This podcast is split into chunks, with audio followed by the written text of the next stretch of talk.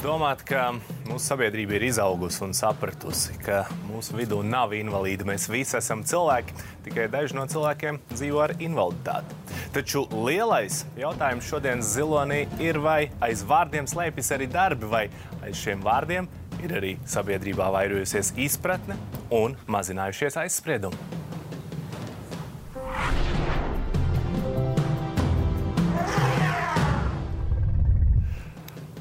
Šodien uh, mēs sākam raidījumu ar diviem viesiem. Pie manas studijā ir Linda, un pie manas studijā ir Māris.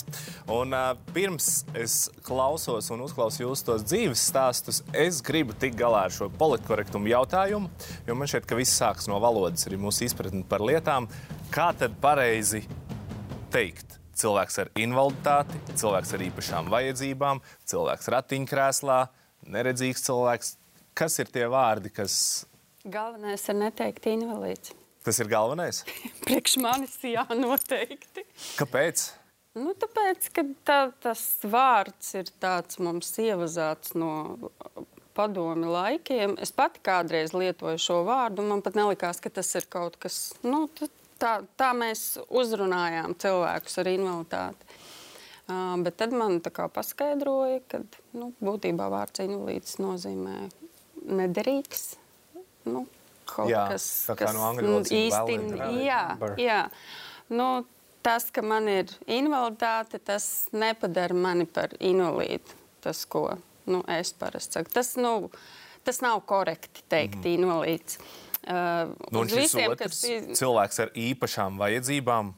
nu, viņam ir kaut kādas īpašas vajadzības. Tas nav nekas tāds, vai cilvēks ar invaliditāti, vai, vai, vai, vai, vai cilvēks ar kustību traucējumiem, ar redzes traucējumiem, neredzīgs cilvēks, nedzirdīgs cilvēks.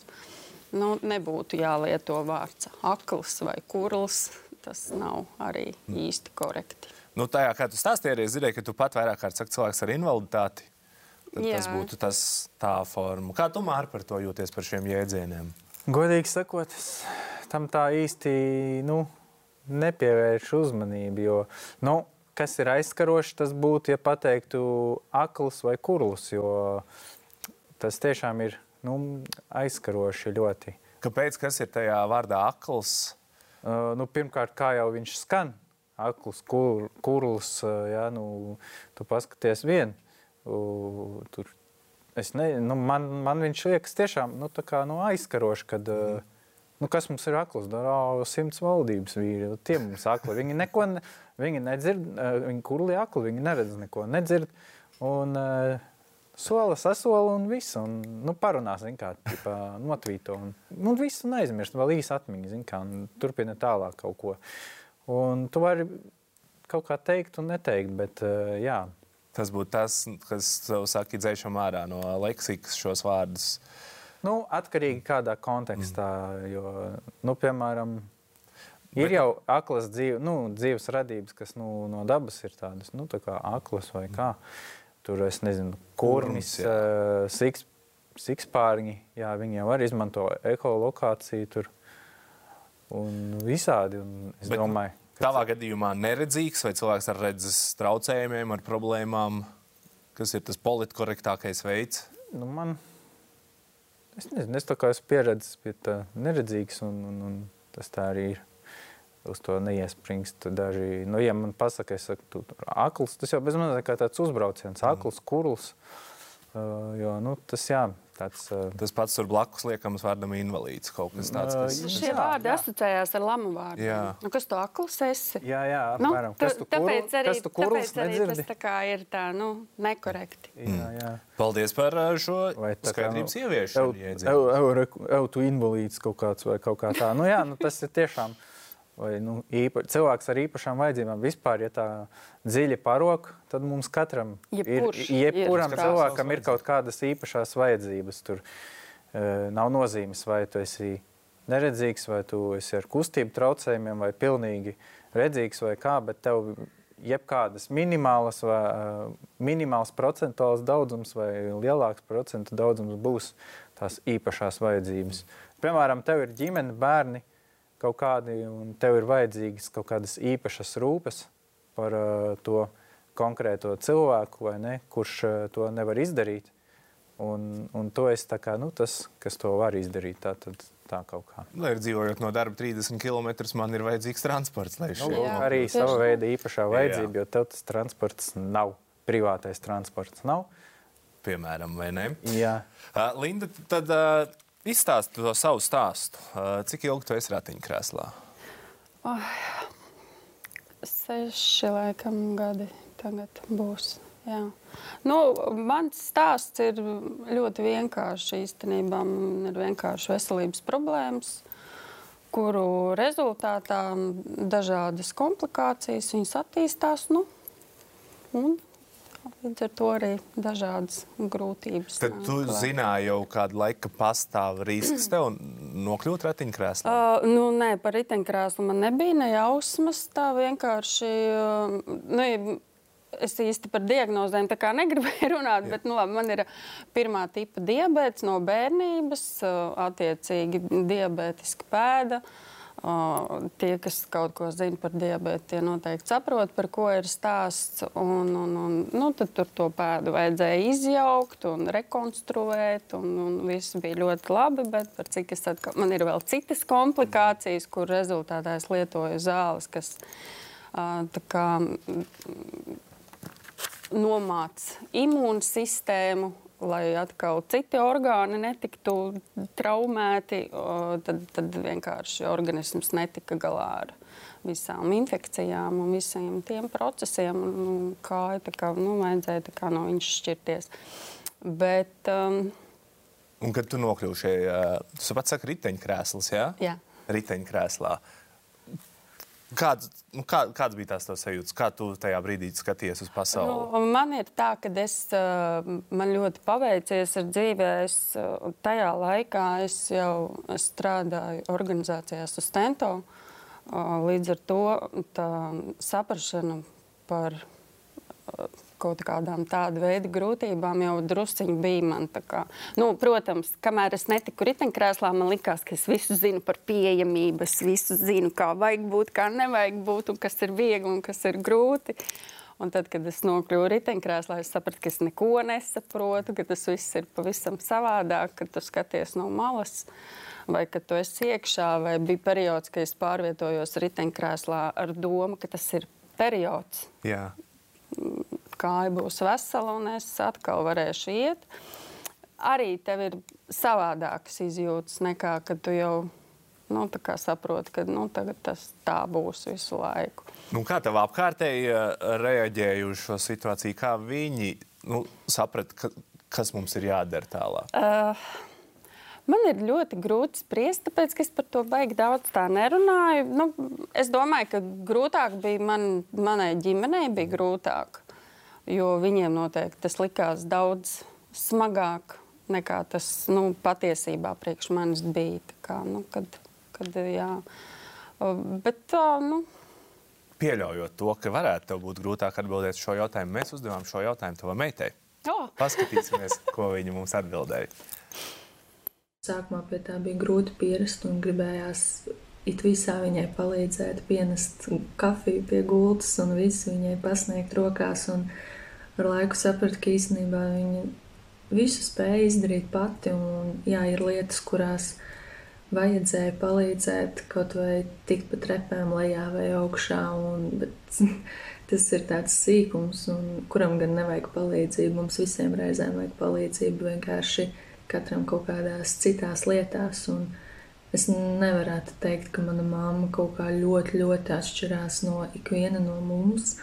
Jo viņa ir lielisks cilvēks ar skaistu dvēseli, un labāku mammu nevar vēlēties. Viņa ir mana labākā draudzene, un es esmu ļoti pateicīga, ka tieši viņa ir mana mamma. Un, jā, viss, ko es gribētu būt, lai apkārtējā pasaule būtu nedaudz piemērotāka tādiem cilvēkiem kā viņa, lai viņai nebūtu jāsastopās ar tik daudz grūtībām, lai aizietu vienkārši uz veikalu, piemēram. Aizkustinoši. Pārāk. Sanāca, sanāca mums aizkustinoši pā- pārsteigums. Tev. Mārija, mēs dzirdējām no Lindas meitas šo te vēlmi, novēlējumu, lai tā apkārtējā pasaule būtu piemērotāka. Kā tu pats skaties uz pasauli? Jo Es saprotu, ka tu jau piedzimi jā, ar redzes traucējumiem. Nu, tā tas ir. Es, uh, principā, nu, piedzimu, jā. Tā, tā dzīve ir sākās. Piedzimu un dzīvoju. Nu, un kā ir dzīvot šajā pasaulē? Interesanti. Bet ir kaut kādi tādi brīži, kur tev šķiet, nu, nu saņemamies. Tie simts valdības vīri, kurus jau tu pieminēji, izdariet kaut ko, lai eh, tā vide būtu pieejamāka. Nu, Liepā jau var uzslavēt, piemēram, jā, tur ir ļoti smuki. Ir sajūta, jā. Jā, ļoti, smu, ļoti smuki maleči uztaisītās vadlīnijas, un, un pa ietvi tu tiešām ej, izšķir, kas notiek, kur tu atrodies. Un, un, tiešām liepā ir respekts un sveiciens, ja kāds no liepājas skatās, tad liepā ir. Un es ceru, ka arī liepā pacels vēl, vēl labāk to latiņu, nereiz vien esmu bijis liepājā, un man vienmēr ir prieks uz turieni. Un es jums iedošu tādas uh, situācijas, kas ikvienam varbūt šķiet pilnīgi normāla lieta, bet izstāstiet, kā jūs jūtaties nonākot. Sabiedriskā transporta autobusu pieturā. Linda jau uzreiz jau nopūtās. Ļoti daudz kas ir atkarīgs no tā, kā es tajā dienā jūtos un kā es uztveru to pasauli. Ir dienas, kad man visi cilvēki apkārt ir brīnišķīgi. Jā. Un, ja viņš kaut ko tur man iebakst vai, vai vēl kaut ko pasakā nejauki, tad es to uztveru kā saka? Nu, jā, viņš, diemžēl, jā. Saka? Nu, nav tā, ka ļoti daudz. Jā. Bet es pieļauju, ka arī tam cilvēkam varbūt tā diena nav tā labākā diena. Un viņš varbūt ir dusmīgs tajā brīdī nevis uz mani, ka man ir jātiek tajā autobusā un ir jāgaida, kamēr tā rampa no, nobrauks lejā. Un, nu, tur ir dažādas nianses, jā, bet īstenībā viņš varbūt vienkārši vispār ir dusmīgs par to, ka viņam no rīta, nezinu, kafija izlīja uz galda un sabojāja, es nezinu, tur mājas darbu. Nu, vienalga, nu, tas kā, nu, kā, kā mēs paši to uztveram. Nu, tad arī, protams, man arī ir sliktās dienas, kad es tik saprotoši pret visiem ne, neizturos. Un, tā, un arī es mēdzu uzrūkt kādam virsū. Vēl viena vieta, publiskie pasākumi, kas būtu koncerti un teātris, arī ir tev pieejami Latvijā šādi publiskie pasākumi. kino, teātrus, koncertus. Pilnīgi sanāk, jā. Un, uh, principā, neviens nav pievīlis no koncertiem un uh, kino un teātriem. Jo es jau neju viens, es jau parasti ar draugiem eju, tā ir foršāk. Pat uz sporta spēlēm esmu arī gājis, uh, bijis un, un, un tā. Arī pats esmu piedalījies gan uh, kā uzstājies pasākumos, publiskos, uh, teiksim tā, jo Mana, vai tev piemēram neprasās Mārija ki- kino, kad ir šī te uh, paskaidrojošie, uh, ir, ir šīs te kinofilmas, kur tiek izskaidrot tā darbība. Ne tikai tu dzirdi dialogus, bet arī kas tur notiek. Es nezinu, ja tas ir kinoteātris, tad varbūt tomēr nē, jo, jo nu, kinoteātrī tu izbaudi visu to surround efektu mm. un, un, un tās lietas, tomēr to klātbūtni un pēc tam jau jebkurā vietā, jebkurā laikā tu vari kādam blakus paprasīt ar draugu kopā vai draudzenei un apjautāties, kas notiek īsi un konkrēti. Un, ja tev ir iztēle, tad lietas lietā. Un, un, un tā, jo, piemēram, arī ir daži kanāli, kur skan, uh, tiek pārraidīti tādi nu, muļķīgi TV šovi. Un, un vienkārši viss tiek izbojāts ar kaut kādu mūžīgu, nepārtrauktu iejaukšanos, piebildēm bezjēdzīgām. Un līdz ar to kaut kāda tā saruna, kur, piemēram, divi cilvēki runājās ārā, atrodas, viņš vienkārši pārtrūkst. Kaut kas ierunājās bezjēgā, atkal atjaunojās un nu, nu, pilnīgi kaitina tas. Uh, ezera sonātē, piemēram, tur uh, iet saruna. Neviens nemaisās. Bet, redz, Mārija, ir televīzijā pāris noteikumi, ir jāpārtrauc reizēm, Nu, ir jāierunājas tas kādam. tas- un Ir, tas ir formāts, tas ir formāts, diemžēl. Jāpiesaka arī reklāma. Un tas uh, ir bez tās mēs arī nevaram iztikt. Uh, Turpināsim sarunu pēc brīža.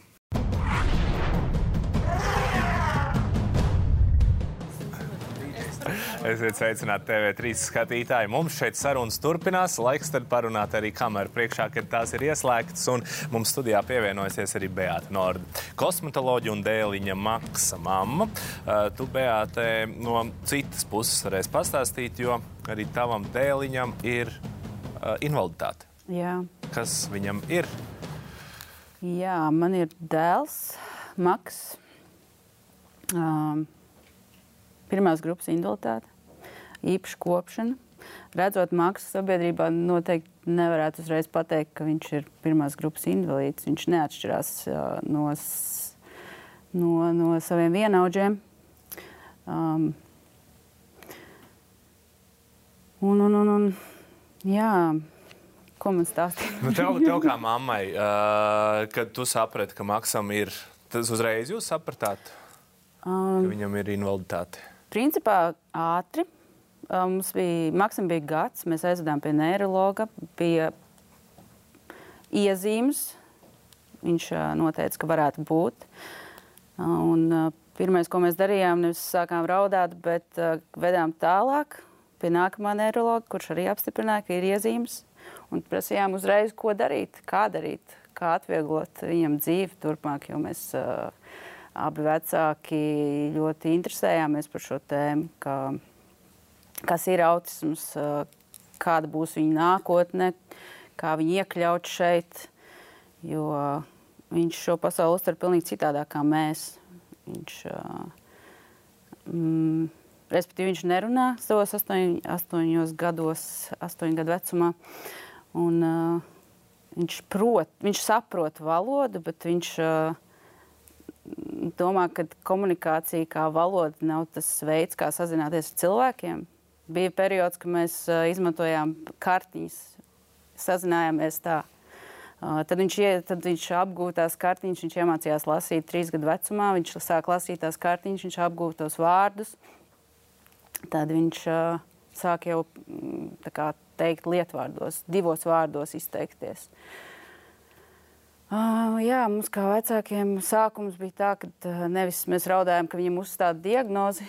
Respektīvi, tas ceļš arī līdz diagnozē bija diezgan garš. Un, uh, ja mēs stāvētu visās rindās, uh, nemaksājot ātrāk, lai tiktu, tad uh, nezinu, mēs nebūtu uzstādījuši, viņam nebūtu uzstādīta diagnoze trijos gados.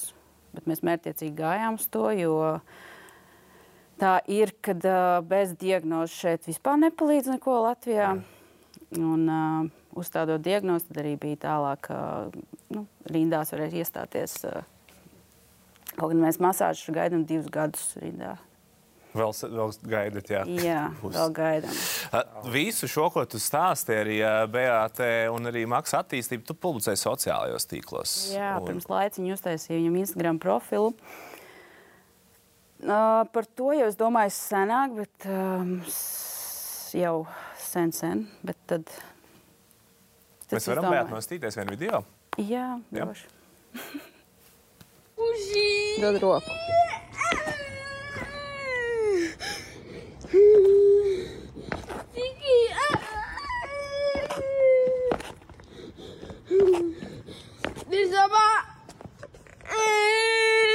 Nāc, opā. Trīs, divi, viens. Opā. Es saprotu, ka tas ir kafejnīcā. Jā. Kas tur īsti notika? Mēs pāēdām. Viņš izdomāja, ka uh, viņš grib ņemt līdzi to piedāvājumu karti. Tādu krāsainu. Nu, es viņam saku, nē, Maks, mēs viņu neņemsim. Nākamreiz, kad atnāks, varēs pastīties uz viņu. Tad sākās pilnīgs breakdowns. Viņš skraidīja uz rīņķi. Oh, nē, ka viņam vajag viņu līdzi. Tad, uh, viņš, kad ir breakdowns, viņam var stāstīt, ko grib. Viņš neuztver valodu. Uh, nu, man tā liekas tajā brīdī, viņš iekrīt tādā panikā, kad aizmirst jau par ko ir uh, sācis panikot. Nu, tad arī šobrīd jau, jau video tas nav pilnīgs breakdowns. Uh, Kad bija mazāks, tas varēja būt ar to, ka viņš būtu nokritis zemē, rīstījies, iekalojies um, līdz pat kā epilepsiķim izskatītos. Tas arī bija jāpārbauda, jo tās panikas lēkmes tādas bija. Tagad jau mazliet var sarunāt. Te jau mēs gājām, un tad bija tas 3, 2, 1 opā, un man viņa ir jāpaceļ. Astoņgadīgu puiku cel. Es ceru, ka uh, viņam būs 15, un viņš cels mani. Bet kā sabiedrība reaģē uz šādām maksas lēkmēm? Zini, es uh, vairs neredzu viņus. Tas ir, man liekas, tā kā tu teici, mm. kā tu uztver pasauli. Tā, tā kā ja es uz, uztveru visu pozitīvi, tad man liekas, ka cilvēki apkārt arī ir pozitīvi. Bet sākumā, līdz tam izaugot, Sākumā nu, ir bijuši tie komentāri. Maks ir skaļš, viņš var vokalizēt, viņš veikalā var spiekt, liekt, lēkāt, skraidīt apkārt pa veikalu. Uh, ir bijuši komentāri, bet nu, tādiem vecāku gājumu cilvēkiem, kuri te nav, te nav mežs, ko tu kliedz. Uh, ir bijusi dāma, kundze gados, kur ir uh, imitējusi viņu, arī nu, vokalizējot pretī dažādi. Tagad jau ir tā, es veikalā, es viņam, viņ, viņš var izvēlēties vienu lietu. Mēs ejam veikalā, viņš viņu paņem. Pa ceļam viņš grib vēl kaut ko. Viņš kliedz uh, saldējumus pilnā balsī. Es vienkārši zinu viņu, es eju ar ratiem. Un, uh, ko viņš dara? Viņš pieskrien man klāt, noķer man skatienu, kas uz viņu skatos, viņš nokrīt zemē un kliedz. Es neliekos ne ziņas, es stumjos tālāk. Viņš pieceļās, saldējums un kliedz un tā līdz kasei līdz viņam iedod to pirmo lietu, ko viņš ir izvēlējies, ņem ēd. Viņš viss ir aizmirsis jau to, kas ir noticis. Pirms. Bet droši vien jā, ir apkārt, kā tu saki, cilvēki, kas skatās vai ne? Skatās, jā. Skatās bet, un domā, ko jūs te nākat. Te taču ir veikals, publiska vieta. Tas ir un... tā, es viņus pieņēmus. Viņš tāds ir. Pieņemiet, tāda ir. Un par to publisko vietu te mēs šeit tiekam līdz tam svarīgākajam vidas pieejamībai. Vienā vārdā, kā jūs raksturotu vidas pieejamību Latvijā, kā tu, Linda, raksturo? Nu, vispār jau nav tik slikti. Jā. Nu, nav. Nu, Rīgā pilnīgi noteikti es uh, pieļauju, ka kaut kur ārpus Rīgas ir daudz smagāk un grūtāk. Man kā rīdziniecei sabiedriskais transports mums ir pieejams. Ielas ir tādas, kādas viņas ir. Un, ja man ir grūti pa to trotuāru pārvietoties, es pieļauju, ka arī cilvēkam, kurš uz savām kājām staigā, arī varētu būt, ka nav nemaz tik viegli. Vai arī ar ratiem Pat, stumjoties? Arī. Vai bērnu Jā. ratus stumjot. Nu, tas būtu tā kā, nu, pat nav tik svarīgi, kādas ir tieši tavas mm. problēmas, bet nu, kopumā, eh, ja mēs to salīdzinām, teiksim, ka principā, ka es gan nezinu, tagad, kā ir tagad, kāda ir situācija. Es uh, pirms kaut kādiem, nu, jau vairākiem gadiem biju Briselē. Kas man likās, ka nu, tur jau noteikti viss ir tā kā, Eiropa. jā, vai ne? Bet, nu, ka nē. Arī tur ir ir, ir, ir, ir, ir daudz sliktāk nekā pie mums Rīgā. Um, Parunāsim par talsiem. Ne tikai par eh, Rīgu, bet eh, bijusī parabobslējas Annija Kļaviņa šī gada augustā Facebookā dalījās ar savu pieredzi kādā valsts iestādē. Un, uh, viņa rakstīja tā, esmu nogurusi no pazemojumiem. Kārtējo reizi man sirds ir pilna. Šodien, dodoties uz tikšanos uz Nodarbinātības valsts aģentūra tāls filiālē, konstatēju, ka šī sabiedrībai svarīgā iestāde ir man nepieejama. Tad, tad Anna ieradās ēkā, konstatējusi, ka neredz liftu, zvanu uz norādīto telefonu numuru, un viņai saka, mums tiešām nav lifts. Mums tādas lietas nav. Un, nu, tālāk tur tikšanās notika arī gaitenī pie trepēm, kur apkārt staigāja cilvēki. Um, mēs bijām abi no tālsiem. Un tu atceries, augot, ka tu vispār redzēji cilvēku ar invaliditāti apkārt? Nē. Nē? Jo man šķiet, ka tas viens no tiem jautājumiem bija, ka šī vide vienkārši nav pieejama un, un viņas vienkārši neeksistē. Un šie cilvēki nav apkārt. Kā tev ir? Uh, ar vides pieejamību māri? Nu, Liepā jā, labi. Liepā jā, ļoti labi, jā. Bet uh, ko skaidrs? Nu, šajā gadījumā vidas pieejamība tas ir diezgan tāds plašs termins. Jo, piemēram, uh, vide, kas apkārt, ja nu, tu iedomājies divmetrīgs uh, basketbolists riktīgi skrien, Un reku te pa ielu, te pēkšņi, nu viņš nepamanā, viņš reāli steidzās. Un tad tev zari vienkārši sejā blākš. Nu, un tie zari, pat, uh, pat ja arī viņš būtu nu, divmetrīgs, neredzīgs cilvēks, uh, vai, vai ne? Un, nu, viņam tie zari, un da, ļoti daudzās vietās tie zari vienkārši nu, noliecās šitā, un tu, ej un šitā te ar, ar, ar nu, un iedomājies vēl pēc lietas, ja, tad, uh, tad tas ir vispār kaut kas, eh, nu, arī par ko vajag parūpēties, eh, kad tie zari aug. tomēr viņus vajag apgriezt. Bet tad, kad tiek atklātas šīs jaunās ielas un uh, tiek stāstīts, re, ka mums te tas trotuārs, un tad pēkšņi izrādās, tur staps pa vidu ir uztaisīts vai kaut kas tāds. tas ceļazīmes tas ir ļoti interesants. Jā, noliek tieši pa vidu. Tā, lai kāds, piemēram, skrien, tad šeit uzdevas tādu kārtīgu punu skrienot, steidzoties, piemēram, uz randiņu vai vienalga uz mēģinājumu. Un viņi jau nav tie vecie labie tās resnās laternas, viņi jau kustās vienkārši un viss. Un, un tu vari, es dažkārt pat uh, ejot, uh, zināmo ceļu vienu, tur stāv visu laiku tā ceļazīme stāvi, bet es tā viņai garām noeju, es tā bišķiņ, nu tā nomierinot sevi, nu pašūpina, nu pastāvi, tad varbūt kāds vējš tevi nogāzīs. Metāla stienis un dažkārt ir tā, kad bieži vien, un vislabākais jau ir ar skrejriteņiem. Mm. Un tad iedomājies, eh, piemēram, tas pats cilvēks, kas brauc eh, vai ne, kas nevar pārvietoties ar kājām, viņam tie skrējriteņi ir arī, manā skatījumā, arī sava veida tā, tā kā problēma. Un tā ir vispār liela problēma. Tas ir jā, vēl viens aspekts, un tās tādas lietas, vai ir kaut kādas arī vietas, nu, kur jūs vienkārši fiziski nevarat, kur mēs ejam, bet jūs saprotat, nu, ka man no šīs vietas ir jāizvairās, jo es tur vienkārši pārāk mocīšos, lai tiktu iekšā. Nu, tās jau parasti ir tās vietas, eh, viņas nav visu laiku eksistē. Tās ir tādas vietas, kur tiek veikti remonta darbi.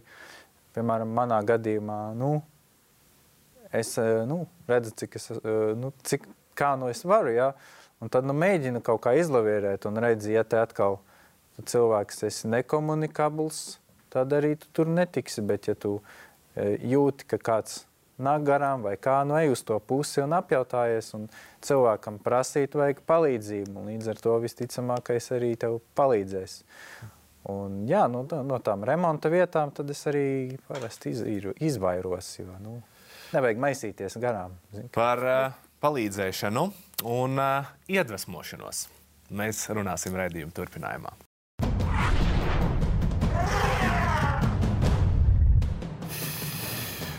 Esam atgriezušies ēterā un esam atgriezušies ar viesi, kuram Instagramā rakstīts cilvēks bez rokām un robežām.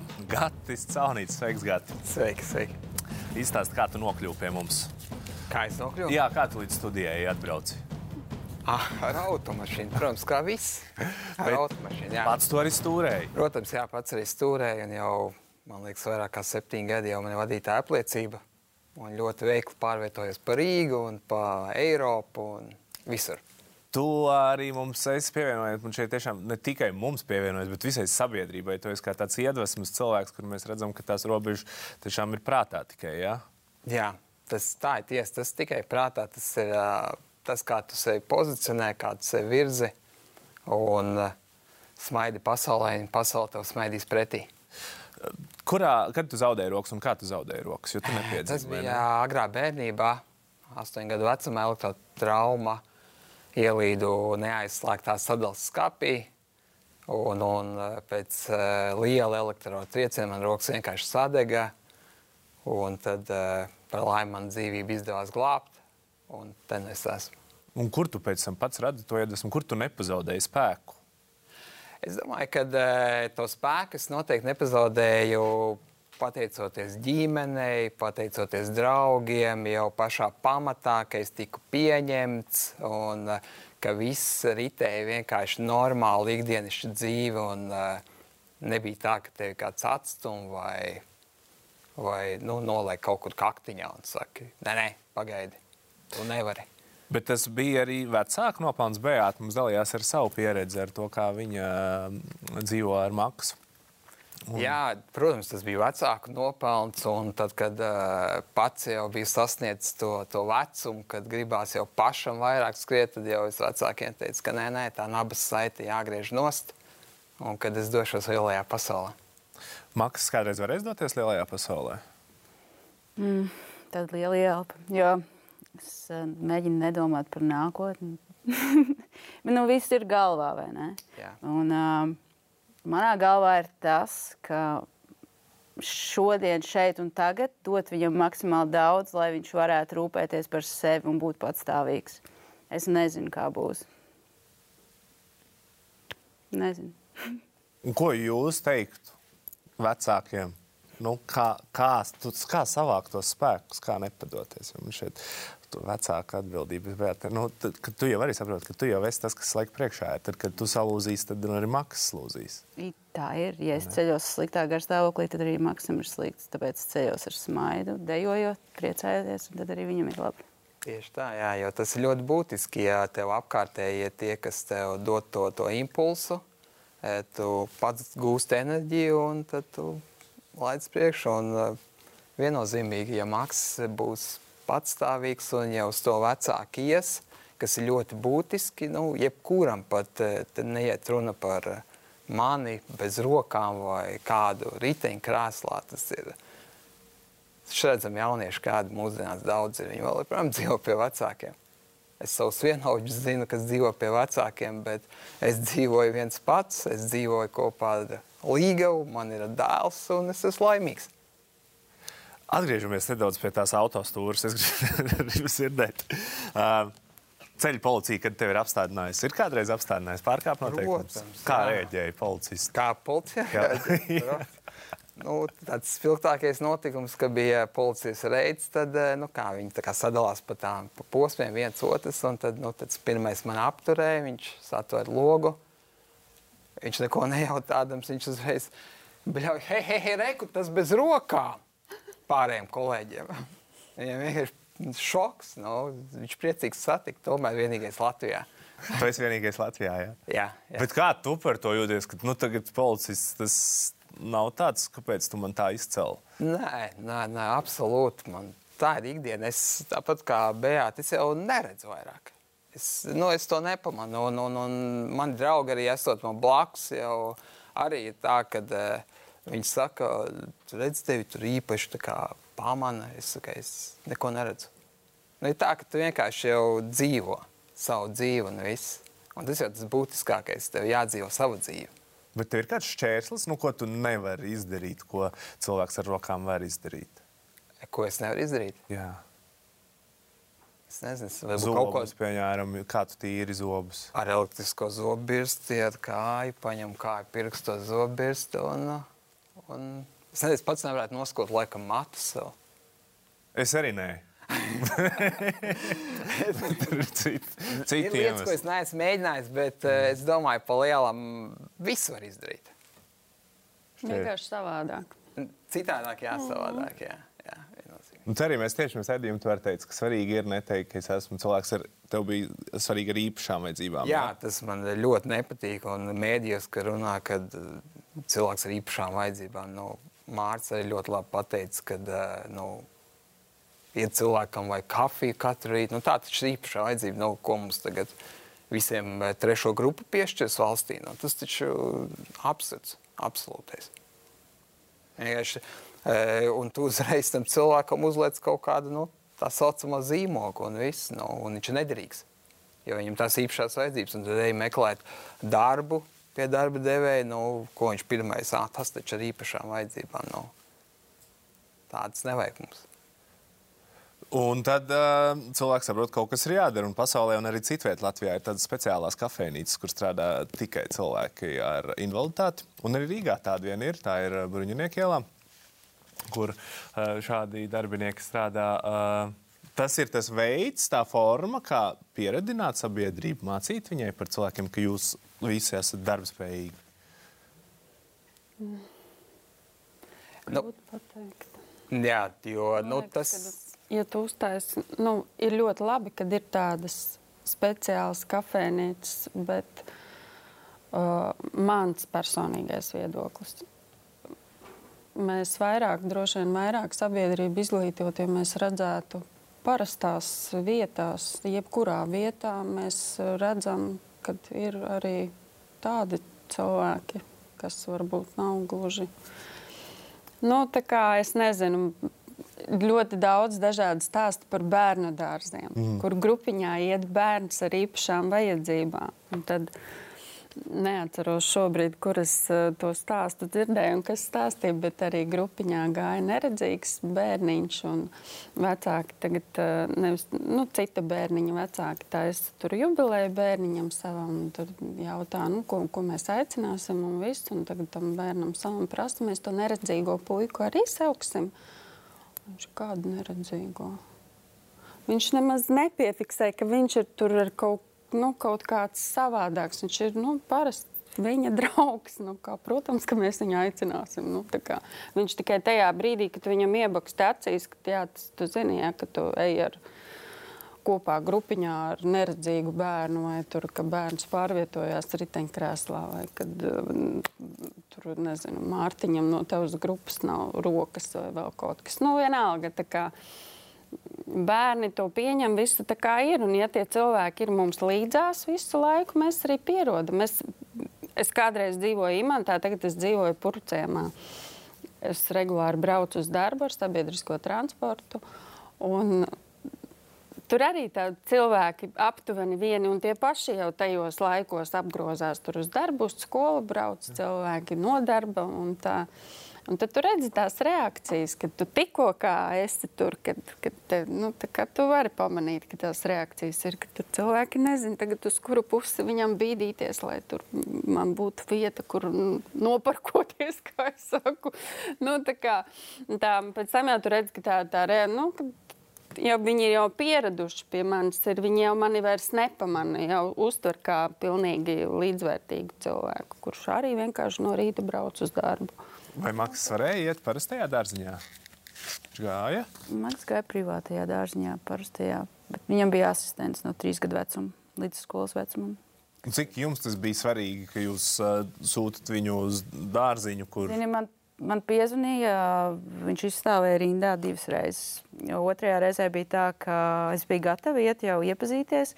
Un es viņu nostādīju faktu priekšā, vadību. Es saku, ziniet, Maksam ir autiskā spektra traucējumi. Viņa tāda, Mums nav pieredzes. Man pietika ar to, un uh, es teicu, nē, viņš ies tur. Jo ļoti laba pieredze mums bija privātā dārziņā, bija iekļaujošās. Nu, dārziņš pats bija ar lielu interesi, kā iekļaut, uh, jo tas bija pirmais bērns viņiem tāds. Maksas beidzot dārziņu, jau bija vēl tādi bērni. Viņi paši izglītojās ar maksu kopā. Viņš bija celmlauzis. Viņš Jā. izrādīja. Un es tiešām domāju, tas arī, ko teica Līna, tam ir tik milzīgi ieteikumi. Jā, tam ir ļoti liela. Prieks, jā, jā. kad tu ved uz dārziņu un tiek runāts, ka mēs esam atvērti visiem bērniem. Bet tas ir tas sabiedrības lielais, lielā pieņemšana, bet uh, ir jau arī privātā dzīve. Un tie mums gata teica, tu esi salauzājies, jā, tev ir līgava, jā. jā, tev ir arī bērns. Cik viegli tas bija? Nu, iepazīšanās notiek internetā, vai ne? Vai, tu, nu, negluži. vai tev pirms interneta pasaulē tas jau izdevās? Nē, es, es, es, es internetā noteikti nē. E, man izdevās vienkārši satikt lidostā, pamanīt, jo es iepriekš ļoti daudz lidoju pa Eiropu, strādāju brīvprātīgajā darbā, kā apmācītājs jauniešiem. Un tad, nu, satiku arī vienā projektā savu mīlestību. Un, e, nu, ja tā atgriežas atpakaļ kaut kādā, nezinu, galīgākajā jaunības trakumā, tur 20 gadi vai ne, e, klubu dzīvēs vecerīgā, nu, es teikšu atklāti, nu, nav tā, ka e, uz tevi skatās wow. Jo tā ir, esi kaut kas jauns, tāds, nu, tas nav tā, ka tu esi, starp, e, nu, tu esi kaut kas cits starp tiem visiem 50 citiem vīriešiem, puišiem vai ne. Un, nu, nebija viegli, nebija viegli. Bija panākumi, bet, nu, nebija viegli. Un tad jau, kā Mārcis teica, komunikācija pats būtiskākais. Un tad es saprotu, cik svarīgi ir runāt. Jā. Jo skaidrs, ne, ka tur ir jātiek ar, se, ar savu, savu sevis pieņemšanu galā. Tas ir pats sākums. Tas ir pats pats sākums ikvienam, ja tev ir, nu, ja tev ir invaliditāte, tev ir jāpieņem sevi tādu, kāds tu esi. Jo, ja tu nepieņem sevi, tad jau esi zaudētājs. Jo, ja es nepieņemtu sevi, ka man nav roka, tad jau es neietu ārā no mājas ja es nepieņemtu sevi, kad es daru tā, kā, es, nu, tā, kā man ir ērtāk un tā, kā es varu izdzīvot, tad es eh, restorānā neliktu kāju uz galda un nēstu tos makaronus, pastu vai vienalga. Ko mēs kā sabiedrība varam darīt? Kur mums laboties, kur mums augt? Man liekas, pārstāt, pārstāt visu laiku nosodīt vienam otru. Izdarīt kaut kādus secinājumus, nezinot, kas ir, piemēram, maksam. Piemēram. Bet tu gribētu, lai es tev pieeju klāt un pajautāju? Man ir nācies teikt, nu, bija tāda situācija, ka Maksam ir rutīna svarīga, un mēs bijām centrāla tirgū. Es izmainīju maršrutu. Viņam ir svarīgs maršruts. Ja mēs aizējām pa vienu ceļu, viņam jānāk apakaļ pa otru ceļu, nu, par to pašu ceļu.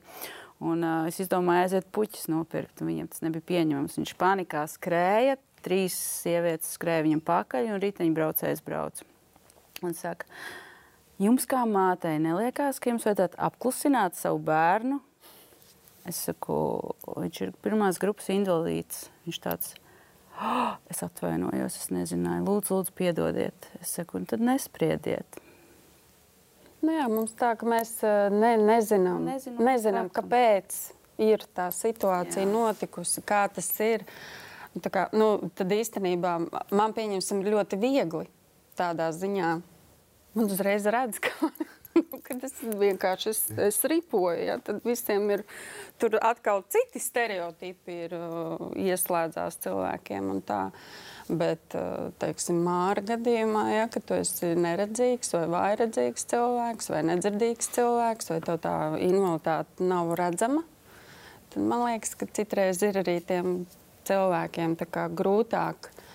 Uh, nu, nezinu, vai var teikt, pareizi noreaģēt, kas vispār ir pareizi. Nu, pieņemt, ja viņi redz, ka tur bērns ārdās, ja, un tad jau tur mamma ir, mamma ir jau nosodīta, tad bērns savu audzināt nemāki, ja, vispār kas tu pa māti.